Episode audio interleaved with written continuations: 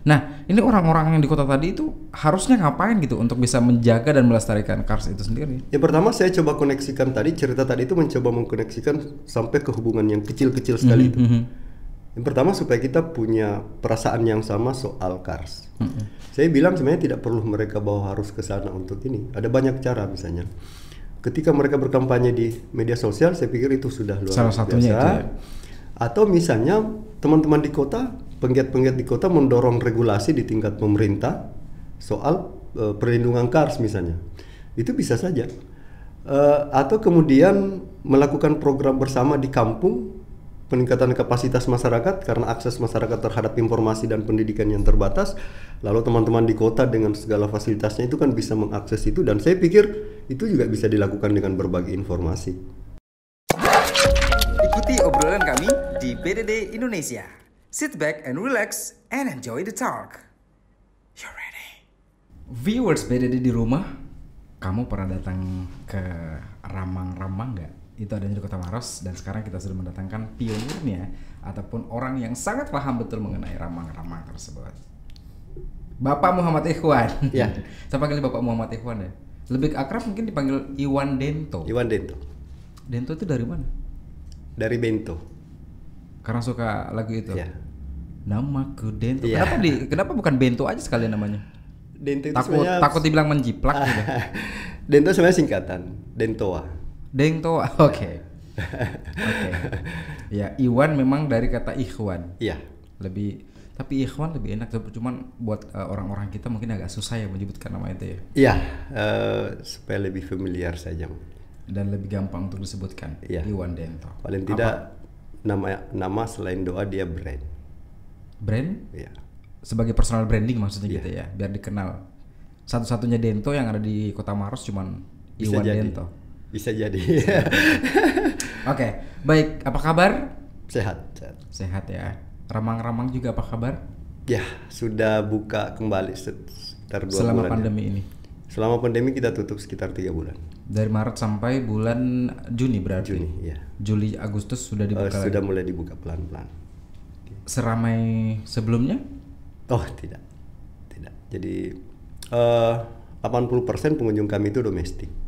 Artinya ketika bandara masih belum lancar, maka kami pastikan pengunjung ke Rama-Rama juga belum lancar. Kalau mungkin orang di Sulawesi Selatan, Makassar, Maros, Goa dan sekitarnya sudah tahu ramang-ramang itu apa ya. Tapi bagi viewers yang mungkin se, se, di- se-Indonesia, mereka pasti belum tahu. Apalagi di Jakarta ya. Iya, iya. Jakarta pasti sangat belum tahu masalah ramang-ramang itu apa sih sebenarnya. Ya. Eh, Rama-Rama itu nama kampung. Jadi sebuah dusun. eh, dulu eh, kalau pagi itu selalu diselimuti kabut di bagian atas. Jadi di- Itu dulu? Dulu. Sekarang sebenarnya masih ada, tapi tidak, Tidak setebal setebal dulu. dulu. Iya, betul.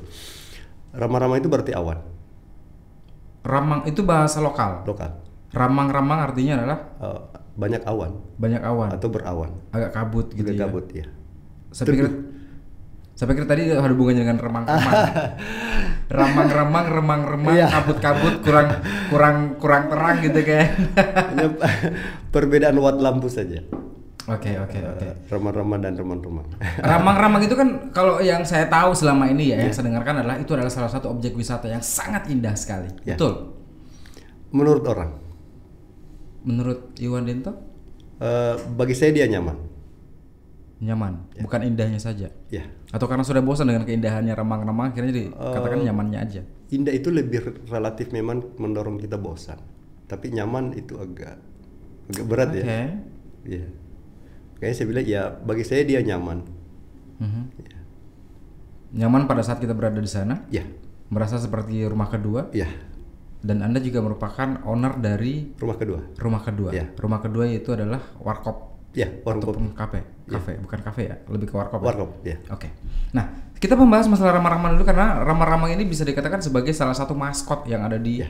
eh, Maros itu sendiri, Kabupaten Maros. Nih, Maros eh, ini kan ya orang kalau misalnya mau, terbang ke Makassar pasti Maros. mampirnya di eh, bandara dan bandara, bandara Makassar itu letaknya ada di Kabupaten Maros. Sebenarnya gitu ya. Ya. Berarti tidak jauh dari eh, bandara eh, Makassar, Bandara Sultan Hasanuddin itu sudah bisa mengakses ke Ramang-Ramang 30 kilo. 30 kilo. Ya kurang lebih 45 menit berkendara. Di desa apa namanya? Desa Salendrang. Desa Kecamatan? Salendrang, Kecamatan Bontoa. Bontoa. Eh, satu desa lagi perbatasan dengan Pangkep. Kalau ada orang turis Ya. domestik ataupun asing yang Ya. pengen datang ke sana tuh aksesnya bagaimana? Dari bandara bisa langsung ke Salendrang. Ya mereka pasti nggak tahu Salendrang itu di mana dong. Eh, pertama saya pikir kita ada map hari ini. Oke. Yang kedua kami ada informasi di bandara. Kami juga sudah berjejaring dengan kawan-kawan di Angkasa Pura. Mhm. Beberapa informasi kami ada di sana. Kami berjejaring dengan kawan-kawan di dinas pariwisata, berjejaring dengan eh, himpunan pariwisata, eh, para pengusaha-pengusaha travel juga kami sudah bikin eh, jaringan. Artinya kebanyakan tamu itu dibawa sekarang oleh travel, eh, usaha jasa travel. Eh, biasanya kami cukup menyiapkan jasa di sana, tetapi kami juga sering menerima pengunjung-pengunjung yang awalnya juga tidak tahu apa-apa. Yang backpacking gitu ya. Backpacking sering kami terima dan saya yakin sekali bahwa ketika kita searching di Google Mhm. soal remang-remang, saya pikir informasi kami cukup banyak, nomor kontak juga ada. Penyebutannya ramang-ramang atau remang-remang? Ramang-ramang. Ramang-ramang gitu ya. Pas apa ramang? Ramang, Ya, ramang. ramang-ramang. Oke. Eh, apa yang jasa-jasa apa saja yang ditawarkan orang-orang yang datang ke sana pada saat itu? Eh, kami memang lebih ke wisata alam. Oke. Atau sekarang lebih di, populer disebut eh, desa wisata.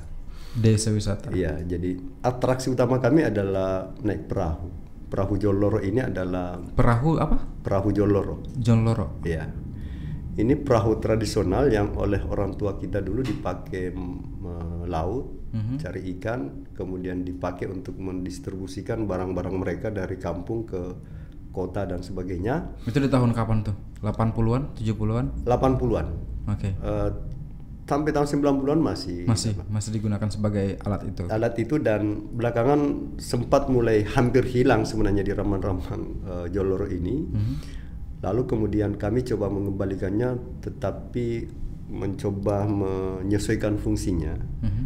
eh, ke kegiatan atraksi wisata dan kami bersyukur bahwa fisik Joloro hari ini sudah mulai kembali banyak ditemukan di Ramang-Ramang, termasuk para pembuatnya yang dulu sudah hampir hilang juga, itu sudah mulai ditemukan kembali, regenerasinya sudah mulai muncul sebenarnya. Ya. Yang kedua, kita lebih ke landscape. Jadi landscape itu adalah pemandangan di sebuah wilayah. Nah, jualan utama landscape kami adalah pegunungan kars. Pegunungan pegunungan apa? Kars, kars. Ya. Eh, secara umum yang kars ini eh, belum terlalu populer ya. Ya. Kalau di Maros Pangkep mungkin masyarakat lebih kenalnya atau lebih gampang menyebutnya sebagai batu gamping. Batu gamping. Iya, Berarti batu- semacam bebatuan gitu ya, Iya. yang besar. Ya, Oke, batu oke. gunung. Batu gunung. Ya, saya mohon izin memberikan informasi sedikit soal kars. Mhm. Bagi kami, eh, kars ini kan adalah simbol kehidupan, dia identitas. Di kawasan kars ini, itu orang-orang tua kita di zaman prasejarah 20.000 sampai 40.000 tahun yang lalu itu meninggalkan jejak-jejak peradabannya sejarahnya di mulut-mulut gua dalam bentuk gambar-gambar dinding dan sebagainya. Lalu kemudian ada proses jutaan ribu tahun yang lalu yang terjadi di kawasan Kars kita sehingga dia memiliki fungsi menyimpan air. Jadi suplai 40% suplai air kita sebenarnya itu berasal dari kawasan Kars. Belum kita bicara soal oh, binatang-binatang, tumbuh-tumbuhan yang khas endemik yang tumbuh di kawasan Kars. Seperti apa tuh? Binatang khas tersebut. Misalnya ada makaka maura, Apa? makaka maura Sejenis apa itu? Jenis monyet. Oke, oke. Dan itu memang endemik di Sulawesi, Mhm. adanya di kawasan Kars. Atau misalnya burung ranggong. Burung ranggong. Ya, Eh, ada beberapa jenis sebenarnya yang malah di endemik ada di sini dan itu dilindungi. Belum kita bicara binatang-binatang di goa dan sebagainya. Lalu apa apa keuntungan mereka untuk kita? Kan ini arogansi kita ya sebagai Iya, manusia. iya, iya. Contoh misalnya ada beberapa tumbuhan misalnya kalau dia hilang maka potensi kita sehat juga akan hilang. Karena dia berfungsi obat, dia berfungsi apa dan sebagainya. Atau misalnya kupu-kupu kalau kita kehilangan kupu-kupu maka kita akan berpotensi kehilangan beberapa jenis bunga yang pertumbuhannya perkembangannya itu tergantung pada proses penyerbukan yang dilakukan oleh kupu-kupu.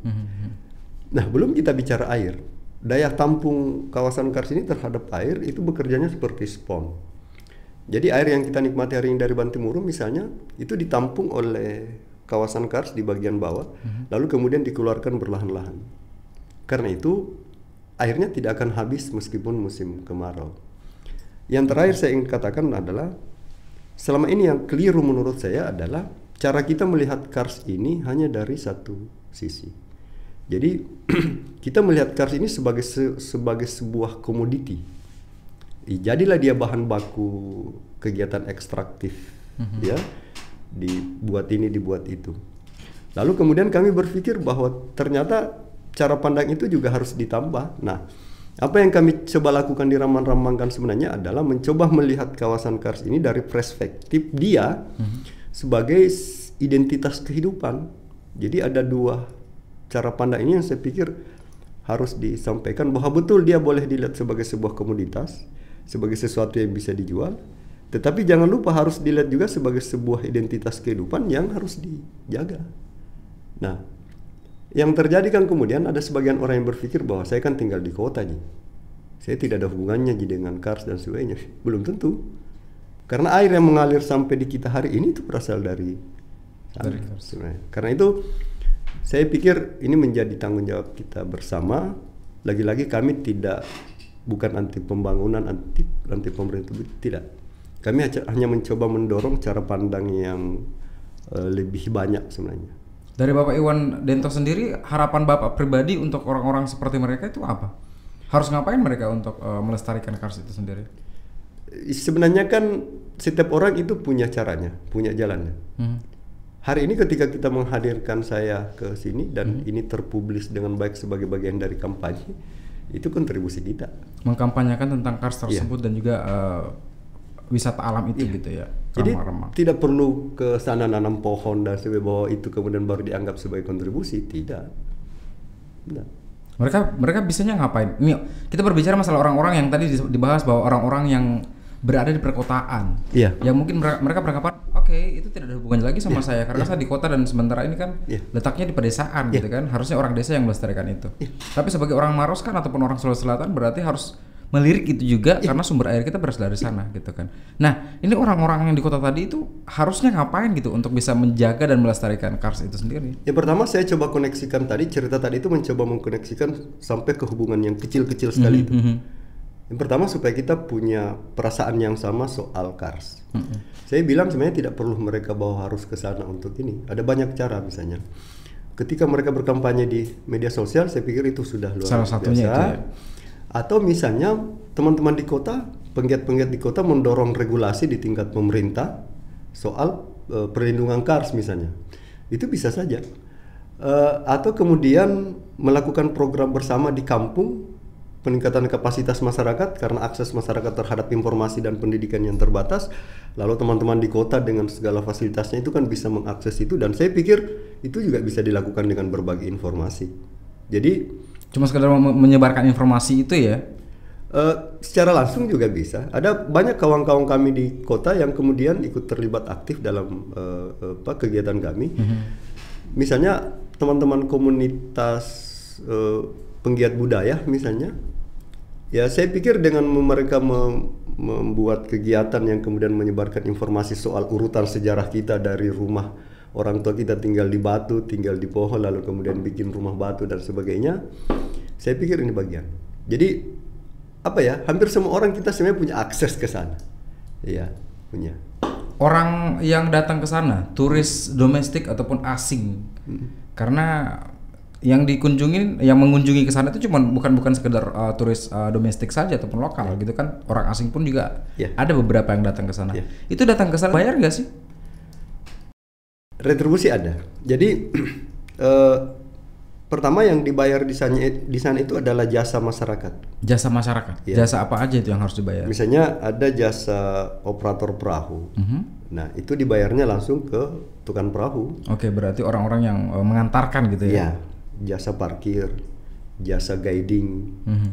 Eh, kemudian misalnya eh, ibu-ibu yang membuat membuka warung dan sebagainya Oh di sana ada warung-warung juga. ada warung-warung kafe-kafe ada nah ada retribusi yang khusus dari pengunjung ke pemerintah desa atau kelompok Mhm. misalnya lokal itu 5.000 kemudian mancanegara 10.000 Kenapa dibedakan? Eh, pertama itu juga permintaan beberapa teman-teman. Awalnya juga kami tidak mau mem- Membedakan gitu kan? sebenarnya, tetapi oleh beberapa teman-teman juga memang dianjurkan. Mhm. Yang penting katanya jaraknya tidak terlalu jauh. Jaraknya tidak terlalu jauh. Kenapa nggak dibuat seperti ini aja? Biar kesannya lebih indah gitu kan. Nah kalau misalnya ini cuman Iya. cuman eh, pendapat saya aja sih sebenarnya sebagai orang awam gitu melihatnya. Iya. Jadi kalau orang asing ketika ada turis asing yang datang misalnya let's say dari Eropa datang Iya. ke Sulawesi Selatan. Hmm. Karena yang saya tahu rute mereka pada saat datang di Sulawesi Selatan mereka datang ke Makassar. Hmm. Makassar cuman transitnya aja karena bandara di sana. Kemudian mereka akan berangkat ke Toraja dengan melewati Pare-Pare. Iya. Kadang mampir di Sengkang Wajo karena di sana ada Danau Tempe. Iya. Kemudian lanjut ke Toraja, balik ke Makassar, terbang lagi ke Bunakin atau ke mana gitu. Betul. Melewati Maros sebenarnya. Iya. Jadi kalau menurut saya pribadi ya, ketika kita men- eh, memperkenalkan eh, ramang-ramang itu ke luar negeri, mungkin ada baiknya ya. Iya, iya. Untuk kontribusi segala macam kita samakan dengan orang lokal, tapi eh, apa ya, mengajak mereka untuk melirik dan berdonasi gitu loh. Atau gimana? Itu pendapat saya Iya, pribadi iya, aja sih iya. sebenarnya. Eh, apa menarik? Saya mau katakan begini. Kami itu survive sampai hari ini, besar sampai hari ini itu dari masukan orang. Jadi Masukan dalam bentuk dana. bukan eh, Pendapat, saran, kritik, ide, gagasan gitu ya? Kami besar dari situ. Sesungguhnya kami terbatas dari segi informasi dan orang-orang datang memberikan informasi kami dan sebagainya. Artinya saya bukan mau bilang bahwa itu tidak bisa dan sebagainya, tidak. Bahwa pada akhirnya semua informasi yang masuk ke kami akan kami diskusikan. Dirumbukan akhirnya bukan di teman-teman apa pun. musyawarah untuk mufakat Iya, gitu ya. iya. Nah, memang yang sekarang ini yang terjadi juga memang dari hasil musyawarah. Beberapa teman-teman dari luar memang juga menyarankan bahwa memang ada baiknya di, dibedakan. Pertama di tempat lain itu juga memang di, dibedakan. Rasanya juga tidak enak kalau kemudian kita terlalu menonjol bahwa eh di teman-teman pembayarannya sama kan. Iya. Eh, kami hanya bersepakat kemarin yang penting jaraknya tidak terlalu jauh. Tidak begitu jauh. Iya, Walaupun jaraknya adalah lima- 50% perbedaan. 50%, 100% makanya. 50 persen karena kan 5000 itu dengan kan kalau kita bicara tempat-tempat lain eh, retribusi 5000 itu sebenarnya sudah hampir Hmm. tidak ada ya Berarti eh, 5.000 itu untuk apa sih? Eh, Nah. Untuk kontribusinya saja. Ya Belum termasuk pada saat kita harus bayar eh, apa namanya yang mengantarkan ya itu jasa masyarakat. Jasa masyarakat, jasa kepada orang yang mengantar gitu ya. jadi retribusi masuk itu kami peruntukkan untuk perbaikan fasilitas Hmm, untuk biaya operasional teman-teman pengelola. Kemudian eh, distorkan ke desa sebagai pendapatan asli desa. Nah dari eh, jasa eh, masyarakat misalnya yang tukang perahu itu biasanya akan diambil sekitar 2% sebagai retribusi mereka ke desa Kenapa kenapa itu mesti ada supaya kemudian desa atau komunitas ini punya tanggung jawab bertanggung jawab terhadap aktivitas teman-teman di bawah. Jadi apa pun yang terjadi di bawah harus ditanggung jawab oleh komunitas. Berarti melalui ini sudah terjawab ya. Karena di luar sana pasti banyak orang bertanya, Iya. kenapa harus dibedakan retribusi untuk orang lokal dengan orang eh, Iya. luar negeri? Iya. Jadi ini for those Betul. who are going to visit Ramang-Ramang and also uh, tourism spots in South Sulawesi, this is for you, Yeah. for your information. Why we have to compare? We Yes. have to dif- differentiate between your uh, uh, tuition Ya. for the local, domestic, and also uh, Dan overseas. Sejauh ini sih kami hampir tidak pernah ya menerima komplain dari bule eh, di persoalan eh, retribusi. Retribusi. Sebenarnya kalau untuk 10.000 ribu itu kecil buat Iya. mereka gitu kan. Yang sering kita terima komplain malah lokal. Itu dia. Saya sebagai orang lokal justru. saya bukan orang asing. That's why I told you this why. Gitu kan? Karena tadi saya berpikir bahwa saya mewakili orang-orang banyak teman-teman saya di luar sana yang selalu bertanya masalah itu. Iya. Ya, they keep asking me that question. Kenapa harus dibedakan antara uh, bayaran domestik dengan orang asing gitu kan? Padahal sama-sama pengunjung gitu. Tapi memang ada beberapa alasan yang paling kuat yang bisa uh, dijadikan patokan gitu kan dan bisa dijadikan um, oke memang seperti itu karena retribusi lima rupiah per orang itu sangat sedikit sekali ya. Betul. Kami malah ada kompensasi sebenarnya. Misalnya guide itu gratis, free. panitia pelaksana kalau teman-teman bikin kegiatan di sana ada panitia pelaksananya lima orang itu free. Guide diberikan apa dong? Dikasih apa dari panitia? Pertama dia bukan maksudnya kalau kita ngantar tamu guiding orang ke sana Heeh. itu akan free karcis. Oh free card. Oh guide yang free card. Iya, free karcis. Berarti cuman uh, turisnya aja Tulisnya yang saja. Oke. Ya. Termasuk kalau teman-teman misalnya bikin kegiatan ada kepanitiaan, biasanya juga kepanitiaan juga kita kasih free Mhm. Atau paling tidak dia potong 50%. Kalau saya mengajak teman-teman saya datang, saya dikasih Karena kita guiding kita free. Oke. Ya. Termasuk misalnya teman-teman mahasiswa peneliti itu juga akan punya apa perbedaan sendiri. Kenapa? Karena kami mendahulukan proses edukasinya, proses belajarnya sebenarnya. Ya. Bahwa betul kami mengharapkan uang dari kegiatan itu, tetapi kan juga tidak boleh serta merta kita berpikir ke sana. Iya. Heeh. Retribusi itu ada ketika memang layak gitu ya. Jadi ketika mereka mahasiswa yang datang pengen observe segala macam. Iya. Kami fasilitasin sana. Oke, Iya. that's very good. Mempromosikan ramang-ramang ke luar negeri. Ya. Usahanya seperti apa sampai saat ini? Saya mau tanya dulu sebelum jawab. Oke. Percaya tidak kalau Ramang-Ramang punya website? I do. Saya percaya itu karena ramang-ramang bukan objek wisata yang biasa aja. Percaya tidak kalau Ramang-Ramang punya kamera DSLR? Itu saya belum tahu. Saya pernah melihat di sosial media sih dan wah gila keren-keren foto-fotonya dan segala macam di websitenya di apa di di Google pun keren-keren. Tapi saya belum tahu secara detail tentang itu. Saya itu punyanya ramang-ramang atau punya orang yang datang ke sana gitu. Kan dua ini kan sepertinya menjadi alat promosi yang harus ada. Oke. Website dan kamera yang supaya bisa menghasilkan gambar yang bagus. Dan? Ya kan? kami tidak punya dua-duanya. Tidak punya dua-duanya. Terus caranya? Eh, setiap orang yang datang ke sana punya media sosial, punya website, Oke. eh, punya akun dan sebagainya. Tugas kami adalah membuat mereka bercerita yang baik soal Rama-Rama. Pernah dibikinkan kompetisi mungkin? Tidak juga. Kenapa nggak dibuatin? Eh, pertama kami coba mendorong orang-orang bercerita ke kampung kami secara lepas. Kalau Secara ekspresif gitu ya, terserah mau kalau baik, seperti apa. ya bilang baik. Kalau kotor ya bilang kotor. Fair gitu. Tidak ya. ada masalah. Tidak ada yang sembunyi-sembunyikan. Tidak ada. Yang kedua, kami coba berjejaring. Misalnya dari mana gambar-gambar itu kami dapat? Mhm. Ya kami punya jaringan kawan-kawan fotografer yang kalau masuk pun misalnya tidak gratis, paling tidak difasilitasi bahwa nanti ada rumah di sana kita bisa tempati tinggal dan sebagainya. Lalu kemudian kami bilang "E, nanti foto-fotonya yang tidak dipakai diupload di media sosial ya. Eh, teman-teman komunitas eh, media misalnya, kami juga kalau ada acara ke sana biasanya akan terkonek ke teman-teman media. Jadi intinya sebenarnya promosi yang dilakukan di Ramang-Ramang adalah melalui jaringan. Mhm. Saya juga ke sini, saya pikir eh, ini akan membantu promosi saya. Sebuah jaringan juga gitu. Iya. Dan bukan bukan tidak tidak penting itu website dan sebagainya, penting bagi kami, tetapi belum prioritas karena kami kelola. Karena itu kami harus manfaatkan yang ada dulu. Artinya kalau misalnya kami baru punya mangkok, ya tidak apa-apa. Mangkok itu kita pakai makan, pakai minum kopi, tidak apa-apa. Karena pun kalau mau dipaksakan juga setengah mati. Oke. Ya. Berarti nggak pernah punya kamera secanggih mungkin dan nggak punya website sama sekali. Tidak. Itu jawabannya. Tapi promosi tetap jalan dan Jalan. lancar dengan teman-teman yang datang berkunjung ke sana. Ya, tugas kami adalah memberikan pelayanan yang baik untuk mereka. Eh, saya pengen ngomong sama teman-teman di rumah dong, viewers di rumah nih. Kalau kamu pernah datang ke Ramang-Ramang, saya pengen tahu opini kamu tentang Ramang-Ramang tersebut. Coba kamu eh, masukkan eh, pengalaman kamu di sana di kolom komentar ya. Pengen tahu aja saya. Karena ini Ramang-Ramang luar biasa ya. Yang penting cerita jujur.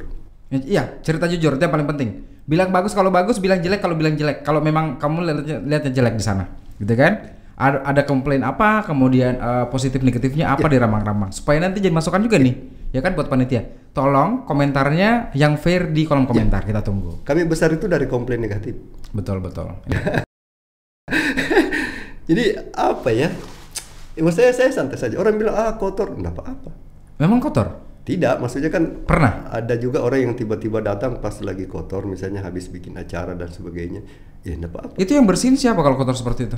Ada ada panitia Kami ada petugas. Ada Kami petugas disi- disiapin. Ya, kami ada petugas kebersihan, ada petugas keamanan.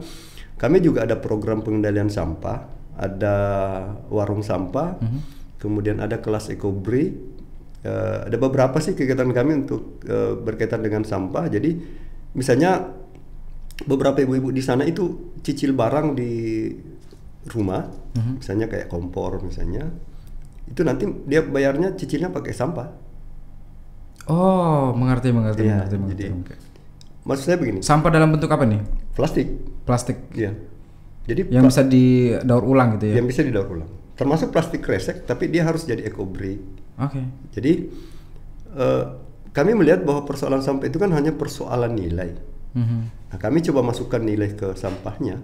Nah, kenapa bukan uang yang didorong? Karena nominal uangnya kecil. Mhm. Kecenderungan orang ketika dengar barang itu biasanya keinginannya akan sedikit lebih besar daripada saya bilang eh, nanti satu karungnya saya beli 5000 tapi kalau misalnya saya bilang nanti kalau ibu rajin bawa sampah ke sini saya belikan kompor gas silakan ibu cicil sampai lunas kan gitu Secara pribadi Anda mengharapkan apa dari Dinas Pariwisata dan Kebudayaan yang ada di Kabupaten Maros?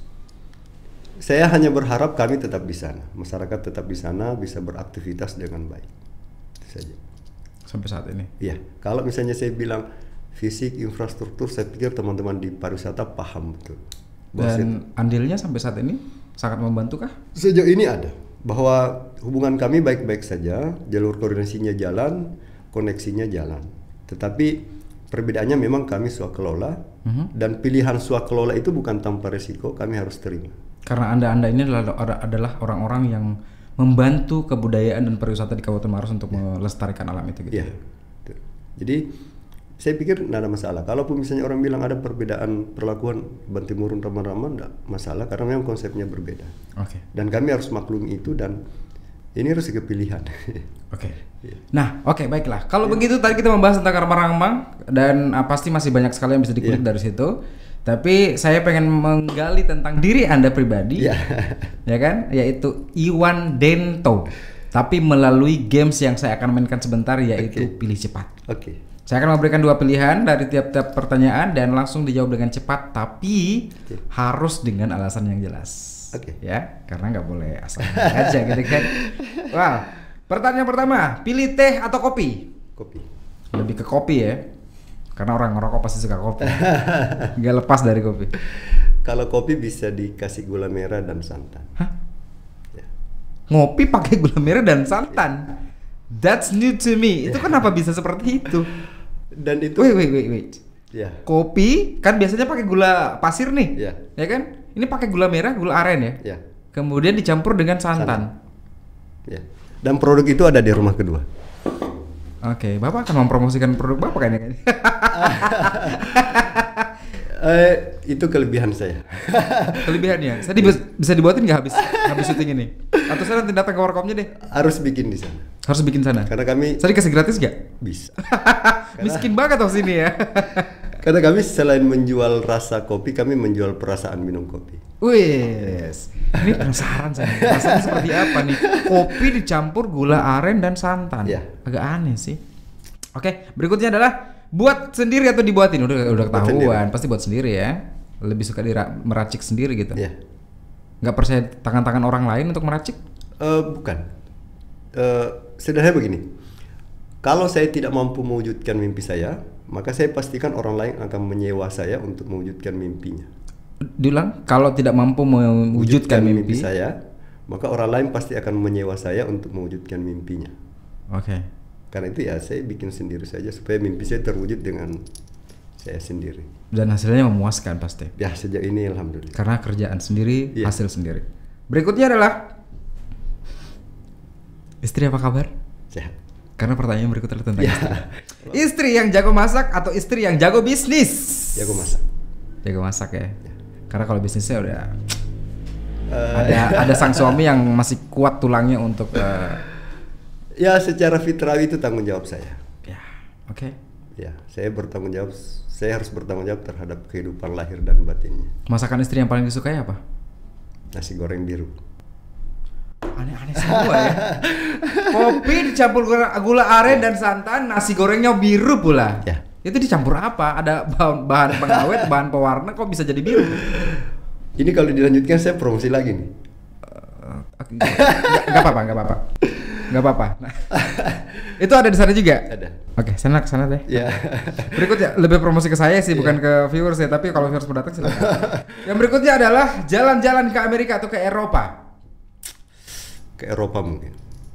Lebih ke Eropa, karena banyak opsi kita bisa dikunjungi di- dibanding Amerika, gitu. Eh, mungkin saya lebih ke wisata edukasinya. Mungkin di, di Eropa saya bisa lebih banyak belajar banyak hal. Karena Eropa masih banyak negara ya yang bisa dikunjungin gitu. Ya, dengan peradabannya yang luar biasa. Oke.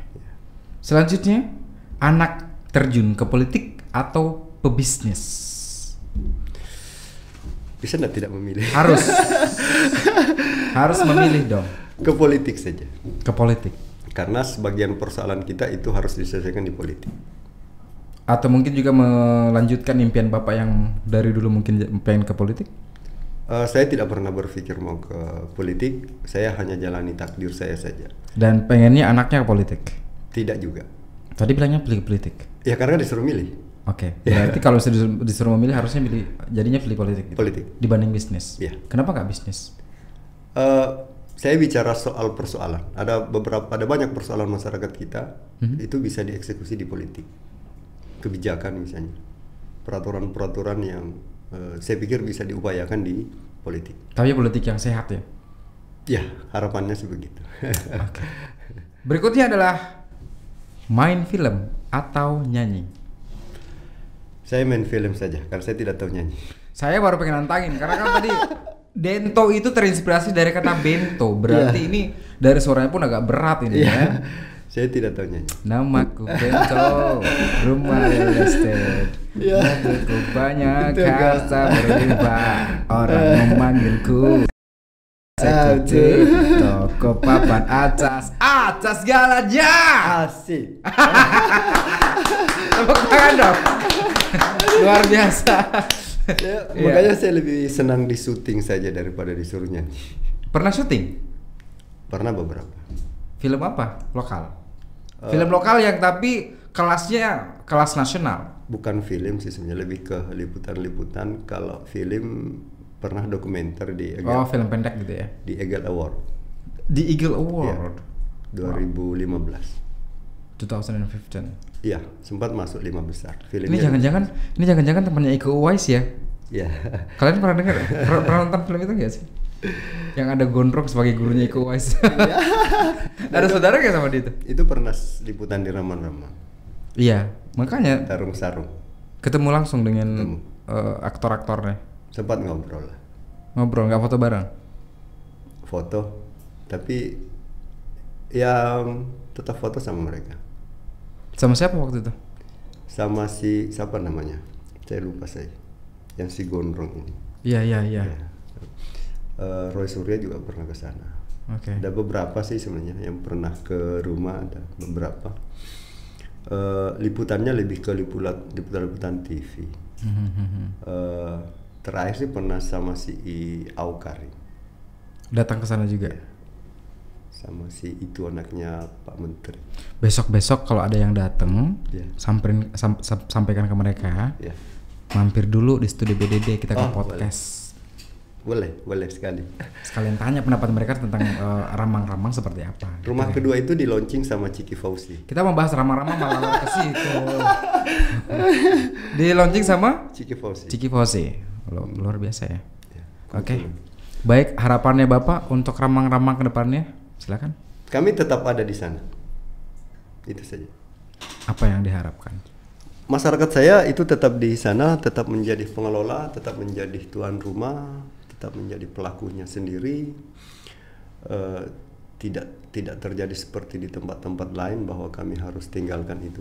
Dan tetap menjadi duta ramang-ramang Iya. semuanya. Iya. Nggak, Artinya tidak ditunjuk satu orang saja tapi semuanya gitu ya. artinya kami berharap eh, itu menjadi ruang hidup kami. Eh, kami bisa melanjutkan hidup di sana dengan baik. Mhm. Eh, kami tetap berharap bahwa eh, apa pemerintah memberikan ruang itu kepada kepada kami. Eh, artinya eh, kami mencintai itu seperti sebuah hubungan emosionalnya sudah sangat kuat. Ya. Oke. Ya, mungkin saya bisa sampaikan juga kepada teman-teman yang ada di rumah, Iya. viewers di rumah sekarang ini. Iya. Teman-teman yang pengen datang ke Ramang-Ramang itu bisa dikatakan sebagai andalah sebagai duta pariwisata, Betul. ya kan? Siapa pun yang datang ke sana andalah sebagai duta pariwisata Iya. dan harus anda promosikan wisata alam yang kita punyai yang ada di Indonesia termasuk Ramang-Ramang yang ada di Kabupaten Maros, Sulawesi Selatan, gitu kan? Jadi sekali lagi tadi saya sudah minta untuk anda eh, titip salam ataupun ki- apa namanya Iya. di kolom komentar Iya. pendapat anda tentang ramang-ramang yang pernah datang ke sana yang pernah berkunjung positif negatifnya apa? Iya. kalau negatif sampaikan semua negatifnya supaya jadi bahan pembelajaran dari uh, panitia yang ada di sana Iya, gitu ya. betul, betul. terima kasih banyak Pak Iwan Dento sudah hadir. Terima pertanyaan terakhir saya satu. Ya. itu kalung dari mana? Eh, ini anak apa induknya namanya Maros Point. oke. Ini replika. Maros Point itu adalah anak mat, anak eh, ujung panah. Mhm. Orang-orang purba, orang-orang prasejarah yang terbuat dari batu. Aslinya berusia sekitar 20.000 ribu tahun yang lalu. Hanya karena aslinya tidak bisa dibikin kalung, ya saya bikin replikanya. itu ada baca-bacanya nggak tuh Tidak. kan biasa gitu ya orang-orang di daerah kan punya apa gitu ya ada unsur kekuatan dari uh, aksesoris digunakan Perlindungan yang paling baik menurut saya adalah berkawan baik. Oke, luar biasa. Sosialisasi berarti. Terima kasih banyak sudah hadir. Telah berbagi cerita mengenai kasih ramang-ramang dan juga inspirasi yang luar biasa. Terima inspirasi untuk kalian di rumah. BD Indonesia pamit mundur. Sampai jumpa.